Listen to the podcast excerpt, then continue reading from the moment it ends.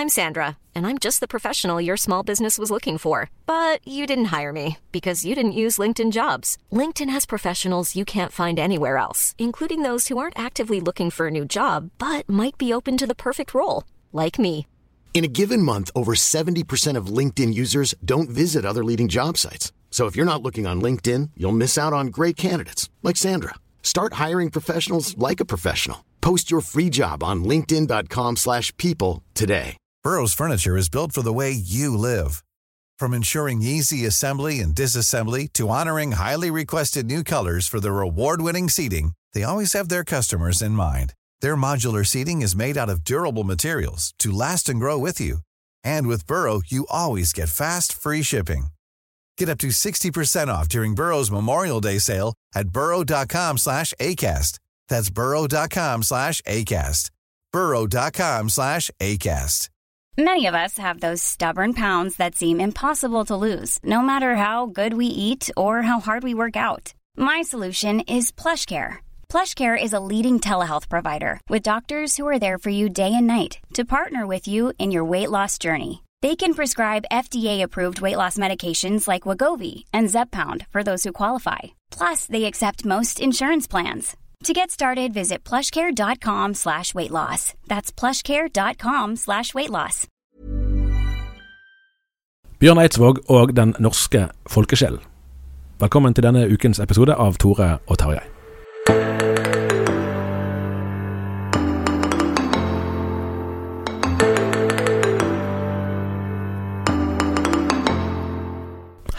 Ja, Tore Hjalmar Sævik og meg sjøl, Tarjei Gilje, er på plass eh, på kontoret. Vi har en eh, pause i reisevirksomheten. Forrige uke var vi i Sunnhordland på Bømlo. Neste uke skal vi til eh, Rogaland. Det er kjekt å være ute og treffe kristenfolket på den berømte grasroten. Absolutt. Det eh, har vi glede av, og det gleder vi oss til. Nettopp. I, kveld, nei, I dag skal vi snakke om, eh, om Bjørn Eidsvåg, som kan være en indikator på utviklingen i flere deler av det norske samfunnet. Men først så vender vi blikket litt eh, utenfor vårt eget eh, hjemland. Eh, uro rundt den eh, sittende amerikanske presidenten, det er vel mer det vanlige enn det uvanlige. Men nå er det altså eh, nye forslag om riksrett på gang. Ja, det er jo bare to eh, presidenter tidligere som har vært eh, utsatt for, eh, for riksrettsdom. Den var på, på 1800-tallet. andre- Nei, riksrettssak, mener jeg. Selvsagt ikke dom. Det er ingen som er blitt felt i riksrett. Nettopp, nettopp. Richard Nixon valgte å gå av før. Ja, ja. Eh, og så var det Clinton på 90-tallet som eh, ikke ble felt. Men, men eh, det er jo ganske dramatiske ting, ja. Men det er jo også et veldig polarisert klima, så det var kanskje bare et tidsspørsmål før dette kom til å dukke opp. Og Det er vel ikke noe som umiddelbart tyder på at dette her heller fører til presidentens eh, fall. Nei, det er jo en omstendelig prosedyre fram til det, som til slutt må, må støttes av to tredjedeler i Senatet da, for at en eh, president skal bli avsatt. Det er altså aldri skjedd før på den måten. Det er òg politisk eh, uro, må jeg kunne si, i Storbritannia. Boris Johnson kan jo faktisk bli den kortest sittende statsministeren vel noensinne. Ja, jeg vet ikke hvordan det er der. I Norge hadde vi en statsminister som satt i 18 dager, Ja. den første for eh, Arbeiderpartiet, eh, Kristoffer Hornsrud. Men eh, eh, Nei, vi, det blir veldig eh, interessant og uoversiktlig egentlig å se disse brexit-prosessene videre. Da. Eh, jeg har egentlig gitt opp å forstå det. Ja. Jeg har jo tidligere gitt uttrykk for min store beundring for John Burko, som er altså speaker i House of Commons. Han var jo den som kunngjorde nå at nå måtte parlamentet tre sammen igjen, etter at Høyesterett hadde opphevet eh, statsministerens eh, suspensjon. Eh, han skal jo, Burko skal jo sjøl gå av nå ved utgangen av eh, faktisk samme dag som eh, som Boris Johnson vil ha Storbritannia ut av eh, EU 31.10, så skal han gå av. Så får vi se hvordan det går eh, etter det. Ja. han har jo vært en sånn stabiliserende kraft, vil jeg si, da. Ja, han har tydeligvis gjort eh, inntrykk på det. Jeg, jeg har fått, stadig fått sånne YouTube-videoer Ja, på, på, eh, på meldinger fra det. Altså Han representerer, syns jeg, en, en nøkternhet og en litt sånn mer perspektivrik nyanserikdom enn den her veldig populistiske og ofte forenklede virkelighetsbeskrivelsen som, eh, som jeg syns preger eh, for mye da, av den politiske debatten i dag. Men den politiske debatten i eh, Underhuset er jo i seg sjøl ganske fascinerende. Ja, ja, jeg husker husker en gang eh, Jeremy Corbyn eh, hadde ordet der og fortalte at han har vært i, i Brussel for å snakke med andre sosialistiske ledere i Europa. eh, og en av de sa til meg, og så hører du eh, da en eh, politisk, motstander fra tribunen som utbryter 'Who are you?' Eh, Dette er jo lederen i Arbeiderpartiet, og da var han forholdsvis ny, da. Så som Ja. leder når dette skjedde. Ja. Men det, det, det er en ganske direkte eh, tone. Du skal ha ganske hard hud for. Det er vel særlig når statsministeren er i parlamentet da at det går ganske høylytt uh, for seg. Ja. Uh, Men det er jo som en egen Men det er jo noe med De har vel et sånt selvbilde av at de er et ytterst sivilisert folk. Eh, Og dermed kan de tillate seg å være, å være litt uh, uhøytidelige på en måte i, eh, i eh, parlamentarisk omgangstone.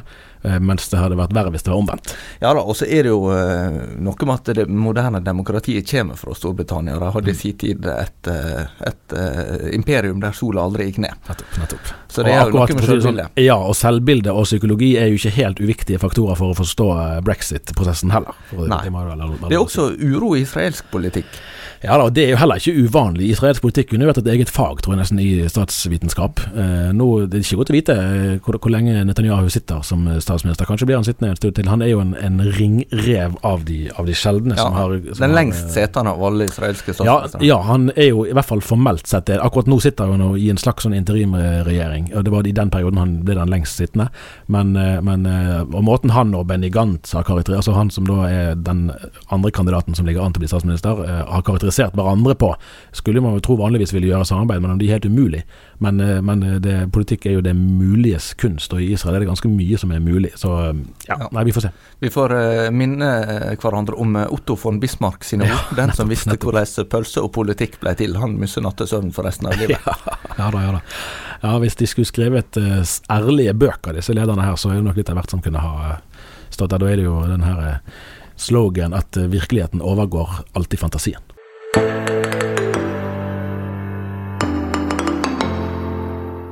Du og meg spiller jo begge uh, og synger litt i uh, kristelig uh, sammenheng, og da Ja, du synger, jeg, jeg, Du spiller mest. Ja, jeg spiller mest. Ja, det er greit. og da er jo Bjørn Eidsvåg en vi begge har hatt et, et nært forhold til gjennom mange år. Nå på mandag så kommer han med, med sin jeg vet ikke om vi skal si selvbiografi, men i hvert fall en bok som heter 'Tro og trass'. Eh, og I den forbindelse hadde vi lyst til å snakke litt om han. Du sa jo her i sted for noe, at han var en veldig god indikator på utviklingen i norsk både samfunn og, og eh, Ja, jeg, jeg fant fram igjen faktisk et intervju jeg gjorde i 2013. Det er jo blitt så greit nå med arkiv, da, at en kan, eh, kan eh, lett finne tak i ting som en har skrevet tidligere. Og Da gjorde jeg et intervju med teolog eh, Jan Ove Ulstein, som jobber jobba ved Høgskolen i Volda, og som samarbeider samarbeida med Bjørn Eidsvåg sent på 1980-tallet om ei eh, messe som Kirkens Nødhjelp hadde, eh, hadde bestilt, da, eh, og ble satt opp i eh, Volda og sendt på NRK, tror jeg. Um, og um, Ulstein hadde gjort en analyse av, eh, av eh, Bjørn Eidsvågs utvikling som artist. Eh, og han mener at eh, den egentlig kan leses som et tidssignal i nyere norsk åndshistorie.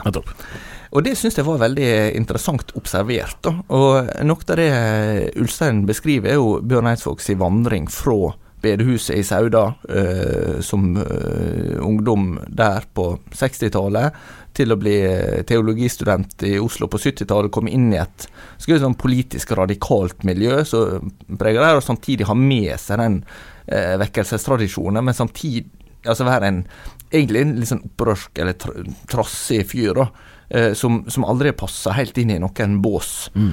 Eh, men, men han har levd i en spenning der som som, um, som var ganske eh, sterke i den norske kulturen, fordi eh, vekkelseskristendommen har vært en sterk kulturell impuls. Og særlig på 70-tallet så ble den eh, si, venstrebølga, da, eller den radikale politikken, ble en sterk impuls. Han ble jo tidligere kalt for rockeprest av noen, da. Eh, og det var jo en betegnelse som han sjøl aldri var særlig komfortabel med. Og nå er det vel en stund siden den betegnelsen ble brukt òg, og han har jo beveget seg en god del som, eh, som eh, artist. Eh, og i, i de seinere årene har han jo nærmest liksom eh, prøvd å, rømme fra og deler av sin egen eh, kristne historie, og han har jo i intervju etter intervju gitt uttrykk for synspunkter som Jeg husker Harald Eia, sant, eh, som jo sjøl er erklært ateist, sperret øynene opp når, når han intervjuet Eidsvåg og spurte om, om han trodde at Gud fins. Som en realitet. Og, og Eidsvåg svarte nærmest at det, det, er ikke så viktig uh, om han egentlig finnes, det viktige er om det er en fortelling som gir mening til livet mitt. Uh, og i seg sjøl kan jo det være en sånn god illustrasjon på noe av altså endringen i det norske samfunnet. at Gud har blitt en mer perifer skikkelse da, for, for, mange i landet. Ja, og der har vel Eidsvåg sjøl oppsummert livet sitt sånn i tre hovedfaser, så vidt jeg husker fra et eh, intervju med lurer på om Anne Lindmo er på NRK, at han ja. først hadde en tidlig fase, 10-20 år, der han liksom prøvde å, å, leve opp til de forventningene som han opplevde lå i sitt barndomstrusmiljø, og så hadde han 20 år der han prøvde å frigjøre seg fra det, og så har han da hatt det siste tiåret der han har forsont seg med at det, det, er noe han på en måte bearbeider, lagt bak seg. Men stadig så, så ser det ut til at Eidsvåg aldri blir ferdig med å bearbeide. Jeg husker senest nå i, i eh, romjula i fjor, så gikk jeg med på ei framside i VG da jeg var på butikken, der det sto 'Bjørn Eidsvåg kolon ble hengt ut på bedehuset'. Og så tenkte jeg dette her er jo snart 50 år siden, mm. eh, hendelsene han snakka om. Eh, og og eh, undertittelen kunne jo være noe sånt 'Og tok grusom hevn'. Eller i alle fall altså, det, eh, Han har jo han har jo utvilsomt helt uvanlig begavelse når det gjelder å sette ord på eh, si, livsopplevelse, det, det, å være menneske, da. Um, og gjøre det på en musikalsk måte så som er tilgjengelig, og nokså veldig mange liker å sette pris på. Og samtidig så, så har han jo en slags sånn sårbarhet eller sårhet. Altså han, han er, kan framstå ganske røff, men han er også litt sånn eh, ja, følsom, da. Mange, mange år i Vårt Land-journalist Olav Solvang har jo fulgt kristen musikk da kan du si, i, i mange, mange år. Eh, og har akkurat skrevet boken 'Rytmer rett i hjertet', der han oppsummerer mye av den utviklingen som han har, har fulgt. Han, den ligger jo her på bordet. Det, det, er, det er et fascinerende verk på ja, 700 sider. Ja, det er en fantastisk eh, ressursbank av en bok. Altså, ja. Den, den, ja, vel verdt å lese. Eh, der skriver han bl.a. om det her, altså, og med utgangspunkt i denne teaterforestillingen 'Etterlyst Jesus', som gikk ja. i forfjor, var det det? På det meste, i hvert fall for et par, par år siden, eh, og påpeker at hallo, ikke det på tide eh, Altså, det er ikke han sjøl som mener dette, men han gjengir andre som har sagt ikke det på tide for Eidsvåg å bli ferdig med dette eh, ungdomsopprøret eller barndomsopprøret når du er en voksen mann. Men, men det er vel litt sånn symptomatisk òg at, at han han er på en måte en litt hudløs uh, type, og det er nok veldig ærlig. Altså, og Dypt oppriktig at han har fremdeles behov for å, for å bearbeide denne historien. Og den ærligheten er vel noe av det som har gjort han til For han må jo kunne kalles en folkekjær artist. Det er et sånt vanskelig begrep som brukes der det passer, ettersom hvem som bruker det. Men, men han, han, har våget å være litt mer ærlig enn de fleste andre gjerne har våget å være. Og det uh, kan jo være utfordrende òg for en sjøl, sett i ettertid, når man sier ting som man kanskje angrer på at man, uh, at man kan ha sagt, som vi ja. kan gjøre. Altså, det, noen kritiske har jo ment at Bjørn Eidsvåg er så sjølutleverende at han blir uangripelig. ja, ja, det og, og, det er jo også uh, en interessant observasjon, da. Men, men jeg husker hun kjente samlivsrådgiver Sissel Gran ble bedt om å, beskrive Bjørn Eidsvåg med tre ord. da og da brukte hun orda stor, folkelig og sjølnytende. Ja. Eh, og det, det, er jo eh, kanskje litt sånn eh, sterkt sagt, men, men eh, jeg tenker at det er mange som, som opplever at, at, Bjørn Eidsvåg setter ord på ting som de kjenner seg igjen i, og også er, er villig til å være ærlig om om skrøpelige sider ved seg sjøl, på, på, en måte som kan være litt eh, befriende. Og Her er vi jo ved det som jeg syns egentlig er kjernen. For det, Jeg måtte jo tilstå overfor deg her i sted at når du snakket om Bjørn Eidsvåg som en sånn kulturell indikator, så fra den tiden der vi ennå kjøpte CD-plater, så tror jeg ikke det er noen jeg har flere CD-er av enn nettopp han. Eh, og da er det jo den ærligheten der som jeg har satt veldig pris på, kanskje enda mer tilbake i, i 80-årene Eh, selv om da var jeg en ganske ung gutt, men jeg har hørt på platene senere, enn en nå, da, på den måten at da var jo altså kampen med Gud og, og det å forstå livet eh, i Guds uh, lys, eller ut fra Guds lys, uh, kanskje mer nærværende i tekstene enn uh, en det er nå. og der Jeg husker jeg var på en konsert, men det er ikke kanskje fire-fem år siden. Vi, jeg husker kona og meg skulle til Roma på en sånn helgetur, og så var flyet innstilt pga. dårlig vær, og så da fikk vi med oss en konsert i Grieghallen. Og i løpet av liksom to sanger så gikk han fra nærmest å være det som vi i dag kaller for lovsangsleder, sant? med Kyrie, som er kanskje en av hans beste sanger, eh, til helt andre tekster som på ingen måte ville passet i en kirke. Mens, mens denne Kyrie er jo i bruk i mange kirker den dag i dag. og begge deler klarer han å gjøre på en måte som nesten ingen andre kunne gjort det. Og det jeg har tenkt der, er jo at kanskje er Altså Bjørn Eidsvåg har jo utvilsomt ei, stor utrustning, menneskelig talt, med, med musikalitet og, og som, som, ordkunstner. Men jeg tror jo på et vis at han hadde aldri blitt den han er uten å ha den historien han har, og blitt født inn i den Altså, det et eller annet med Det korresponderer veldig godt med hans utrustning og den tida han har virka i. Og det, det, beskriver jo egentlig Olav Solvang veldig presist når han sier at i den første fasen som artist, så var jo kanskje de kristne musikkfestivalene vel like viktige for han som han var for de. Ja. At han ble bygget opp der. Og så var det første, de første 10-15 årene som artist var han på Kirkelig kulturverksted og utga eh, mange av de platene, i hvert fall med de kristne sangene, da, hvis man kan kalle det for det, eh, som han er mest eh, kjent for. Og så prøvde han jo en mer allmenn dreining sånn rundt 1990. Eh, og en av opplevelsene, erfaringene, ble jo at han solgte mye mer plater når han hadde en tydeligere eh, religiøs eller kristen profil.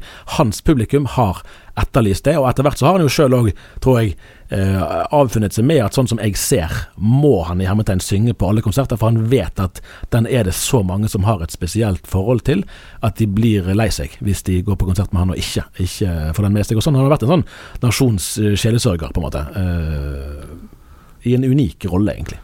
Ja, det er ganske, ganske spesielt. Uh, og, og, jeg veit ikke om det er så lett for noen å etablere seg på den måten, nettopp fordi at han er truffet ei kulturell utvikling som som eh, vi fra et, fra et dagen-perspektiv vil, vil, jo tenke har beveget oss leng, lenger og lenger vekk ifra, fra kristen tro og tanke og måtte over et mer pluralistisk eh, og uoversiktlig landskap der, der, det blir vanskelig å se hva som er liksom faste holdepunkt, og hva som er eh, ja, hva vi tror på og virkelig bygger livet på. da.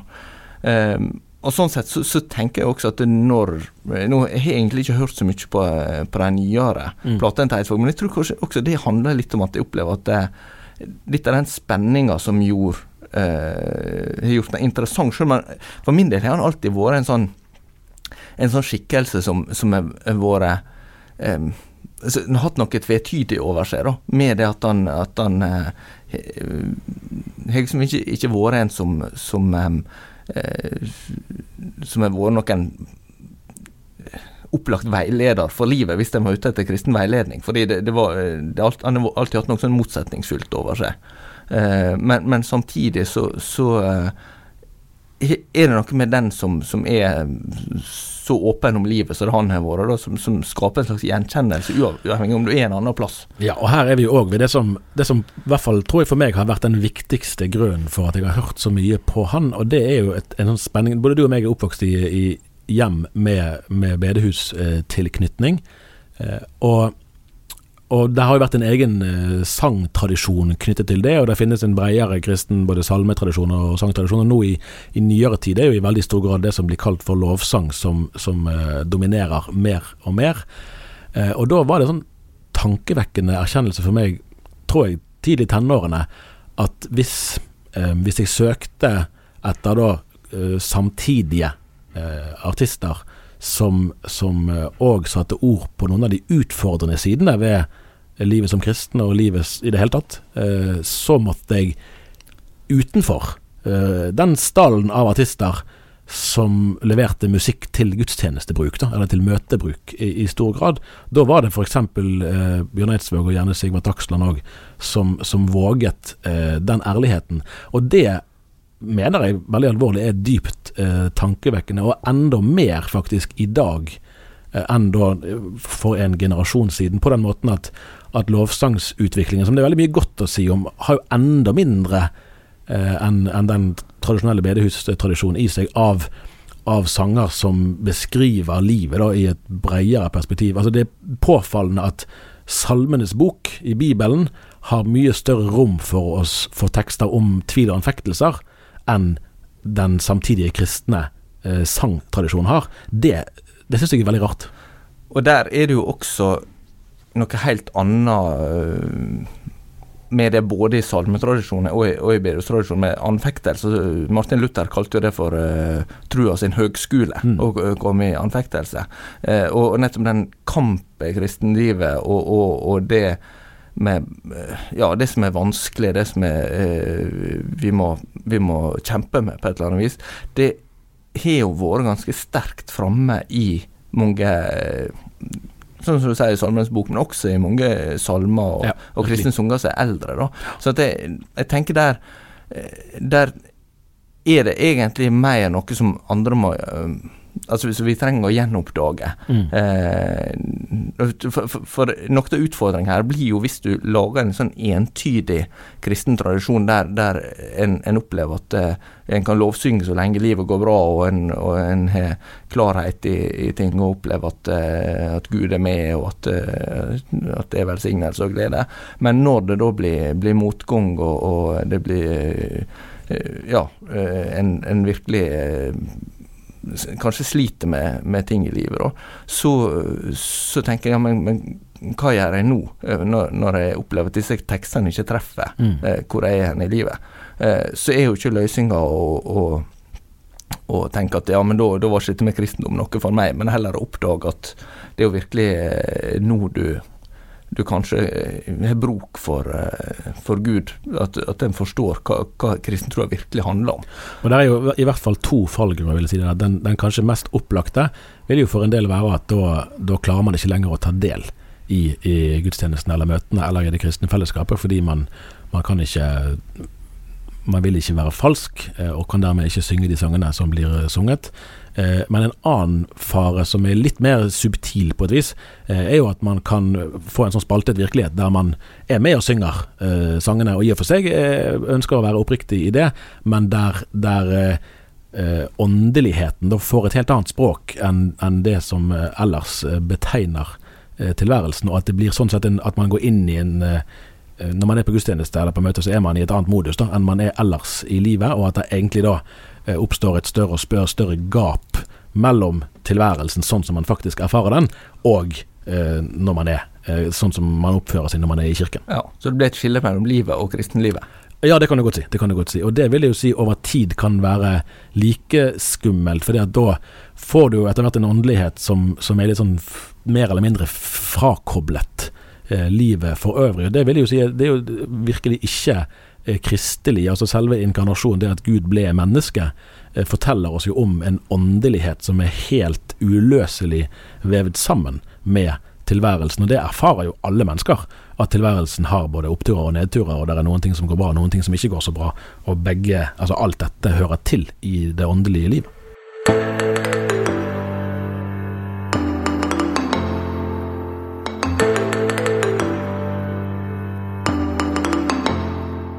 Er det med Bjørn Eidsvåg som artist, som musikalsk, som gjør at eh, han eh, treffer sånn? Der er jo et litt sånn fint trekk som han har sjøl fremhevet mange ganger. Han, han, er jo ikke noen, noen liksom briljant eh, verken sanger eller gitarist, egentlig. Han har hatt med seg, det er jo i seg sjøl en studie verdt, han har hatt med seg noen av Norges beste musikere. Eh, og Det har hjulpet eh, hans eh, artistkarriere betydelig. Men så har han en evne til å lage altså gjenkjennelige, treffende melodier, og ikke minst eh, tekster som, som skaper den der gjenkjennelse som en god kunstner, det vil jeg jo si, ja. eh, klarer. Det, og, det er jo egentlig litt interessant, for du kan si at han, han eh, Hvis du sammenligner med ja, andre sånn i, litt sånn i samme landskapet, da, enten det er Orden Nordstoga eller eh, Anne Grete Preus som døde nå nylig, eller eh, Sigvart Dagsland, Kari Bremnes så er Flere av de artistene er på en måte flinkere i den forstand sånn, det, det, er kanskje feil uttrykk, men de lager på en måte mer avansert musikk mm. da, eh, enn en det Eidsvåg ofte gjør. Men, men, likevel så, så um, og, og, jeg tror at flere av de også kan Altså sånn høre på gitarspill til Jan Eggum, det, det, er noe helt annet, mm. eller Odd Nordstoga for mm. den del, eh, enn en, eh, Eidsvåg, som, som eh, selvsagt altså, Han er jo veldig god greie på musikk, men, men han er liksom eh, uten at han har folka rundt seg, så, så, så, blir det kanskje litt mindre interessant, da. Ja. Um, men, men uh, jeg syns det er noe sånn forunderlig med det, for at det er den som greier å lage noe tilgjengelig. Han treffer veldig mange. Da. ja. ja og det der er jo eh, er vel mange eh, kunstnere, så for så vidt òg fagfolk, altså forskere sitt dilemma, at en kan sjøl, og det kan jo ærlig talt liksom journalister òg noen ganger kjenne på, at, eh, at en sitter med en breddekunnskap sant, og, og forstår et nyanserikt eh, bilde, eh, men så blir det for komplekst å formidle, og det er, det er eh, de enklere beskrivelsene som, som, når frem. Og så kan du jo òg si at kunst på sitt aller, aller beste er jo kanskje når man klarer å å gjøre begge deler. Altså å ta med seg nyanserikdommen og de store perspektivene, og samtidig uttrykke det på en enkel og tilgjengelig måte. Og Det er jo, det er jo gjerne det som bevisst eller ubevisst er oppskriften på hans, uh, noe av hans suksess. Da. Jeg husker jeg sendte inn et spørsmål en gang han var med på et sånn nettmøte ja. uh, i Dagbladet eller VG eller hva det var. Da spurte jeg ham hva er det beste du har med deg fra bedehuset. Og da svarte han to ting. Det var nådeforkynnelsen og musikken. Ja. Ja, men det var jo ikke dumt. Det var litt interessant. Um, for der ligger jo et slags sånn um, tvisyn også i, i det med, med, Jeg tenker bare det at han synger sånne sanger som, som Kyrie, som du nevner, mm. eller Til alle tider. Eh, som er, egentlig er jo veldig sterke kristne tekster. Og, og, og det, for meg så blir det litt sånn tankevekkende at en som har brukt så mye energi på å distansere seg fra kristen tro, samtidig blir stående som mest kjent for de sangene mm. som ble til i en tid som man på en måte Altså, de kunne aldri blitt til i dag. Han har aldri nei, funnet nei, på å lage den. Nei, nei, Men han ble jo spurt for bare et par år siden om han fremdeles står inne Det var Alf Jøsen i Vårt Land som spurte han om han står inne for teksten til Til alle tider, ja. som jo eh, har fått, eh, fått ny eh, blest de siste årene. Og Da svarte han vel at ja, han, han kunne egentlig det. Han ville gjerne formulert det litt annerledes men han sto egentlig inne for den teksten fortsatt. Og det er jo noe av, av spennet at han vi skal ikke gå inn og være, og være liksom kjedesørgere på hans vegne og prøve å forstå eh, hans eh, egentlige indre liv. Det, det kan jo være, sikkert være vanskelig nok for den enkelte av oss å forstå vårt eget indre liv. Men at det er en sånn kamp her, at han på en måte prøver å rømme fra noe, eller i hvert fall å bevege seg bort fra noe, samtidig som han stadig blir innhentet av det og ikke kommer seg helt bort fra det, det er vel en sånn ufrakommelig del av Hvis man skal i hvert fall utenfra prøve å forstå kunstneren Bjørn Eidsvåg sin utvikling, så er vel det en av de spenningene som, som hele tiden er der.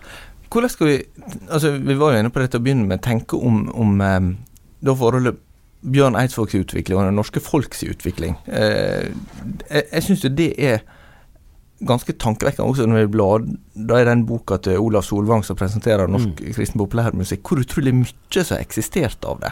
Altså, uh, Noen ganger så, så, kan en bli helt sånn eh, forundra når en leser litt også nær historie, om hvor fort ting endrer seg. da. Eh, jeg så til og med at eh, det var et kristen kristent band fra Molde som hadde fått flere forkynnende tekster fra Jo Nesbø, mm. som er Norges mest kjente krimforfatter i dag. Du, du, siterte sjøl Larry Norman, som er en av de mest kjente kristenrockartistene. Ja, han er jo som regnet som kristenrockens far. Jeg intervjua en, en, amerikaner som skrev biografi om Larry Norman, som kom ut i fjor. Ja.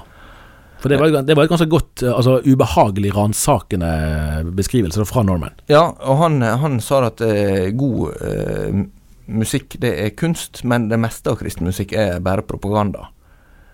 Det kan vi jo grunne litt på. Ja, og, og, og der tenker jeg litt tilbake til det, det, kan du ikke si om hvis du leser Salmenes bok i Gamle testamentet, eller hvis du leser sangboka fra bedehuset, mm. eller, eller uh, salmeboka. Altså, dette her er ting som har ei djupne i seg og, og ei slitestyrke i seg, som, som jeg er redd at altså, Det er blitt sagt om, om enkelte moderne lovsanger at det tar lengre tid å synge det enn det tok å skrive dem. Det var vel Olav Solvang, tror jeg, som sa ja. det. Eh, og det er jo litt tilbake til nettopp det at jeg, jeg tror um, i møte med, med en uh, kultur som endrer seg så fort som det den norske har gjort, da, med, med, kristendommen sin, sin, plass i samfunnet og sånn, så er det et eller annet med å, å, um, å drive med kristen formidling som er slitesterk, og som på en måte rommer eh, så stor bredde av livet to, Det kom ut ei bok nå fra en eh, erfaren eh, pinseforkynner som heter David Østby, mm. som heter 'Gi meg en tro som tåler livet'. Eh, og, og, jeg tenker nå kanskje at det, ikke minst når eh, eh si, det å ha ei, ei eh, tydelig kristen tro er noe som, som blir eh, mindre vanlig eller mer kontroversielt, eller hva en skal si, så, så er det desto viktigere at den, eh, den, faktisk kan møte livet sånn som det faktisk er. Hva kan, eh, moderne lovsangsledere og, og i det hele tatt altså, eh, folk som skriver sanger til kirkebruk, hva kan de lære av Bjørn Eidsvåg? Jeg tenker jo at det med ærligheten er ganske viktig, og det, det med å våge seg inn i det som er kampfylt, Mm. eh, og sette ord på det. Eh, men så tenker jeg at eh, det er forskjell på å våge seg inn i det og det å, å bevege seg vekk fra det. Altså, jeg eh, eh, Vi må jo eh, alle eh, gjøre våre livsvalg. Altså, hans kommende bok heter vel eh, Tro, tro, og og trass. ja. Eh, mitt eh, liv, mine valg, eller noe sånt. Jeg tror ikke det blir så veldig mye der som kan kopieres og stå på lederplass i dag. Eh, nei, nei og, og, og der tenker jeg at jeg, jeg ser jo ikke eh, på en måte eh, det som noe, som noe ønske Eller eh, han, han må jo ta, ansvar for, for sitt liv og, for sine valg og sånn, så, så jeg tror at det, det er mye med det som ikke vi vil, eh, vil anbefale oss i- veiledning, sånn sett. Men sam, samtidig så er det noe med å, å spørre seg hva er det å være sannhetssøkende, da? Som, som kristne. Altså, er det sånn at, eh, at vi, vi våger å snakke ærlig om det vi opplever utfordrende, våger å, ha sanger som, som på en måte eh, rommer det at, eh, at livet er eh, ja, uforståelig og, og, og vanskelig, og, og det å og at gudstrua ikke er noe som bare fungerer når det er medvind. Nettopp. nettopp. Det er mye mer vi kunne ha sagt om, om Bjørn Eidsvåg. Nå har jo vi en forholdsvis liksom sympatisk analyse. Det er naturligvis på mange konkrete punkter der, der hans ståsted egentlig i 70-80-årene, og kanskje enda mer nå, eh, vil være i konflikt og i kontrast til den tradisjonen som dagen har. Ja, altså, jeg, jeg tenker det, det kan være, være fare for når en ser den eh, si, nye, nye, nyeste Bjørn Eidsvåg, da, som egentlig er Norges mest populære artist, Mm. så, så har han blitt, eh, sier han sjøl, også mer en som lager sanger til trøst og, og oppmuntring. Og at det, det kampmotivet er der mindre. Mm. Eh, men jeg tror ikke en av den grunn skal tenke at eh, han var en gang måtte, en potensiell sungevangelist i, i Misjonssambandet. altså, for for Nei, der har han jo ikke vært eh, egentlig i det hele tatt. Så, sånn jeg, jeg, jeg tror en skal ikke være nostalgisk på, på den måten heller. Mm. Eh, men, men det er jo noe med å, å eh, Ja, kanskje, kanskje Iallfall ta noe lærdom eller ta til ettertanke. da. Eh, hvorfor eh, er det noen som treffer eh, folk i det de, Godt i det de formidler? godt. Jeg vil i hvert fall si at jeg ønsker meg flere eh, kristne sanger som er like ærlige om tilværelsen som Bibelen er. Ja. Det skulle være et trygt ideal, og da er det en del å strekke seg etter, for å si det sånn. ja. Ja da. Du, jeg tror vi sier at det var det vi rakk eh, for denne gang. Neste uke er vi i, eh, i Rogaland. Det blir kjekt. Det satser vi på. Vi høres igjen da.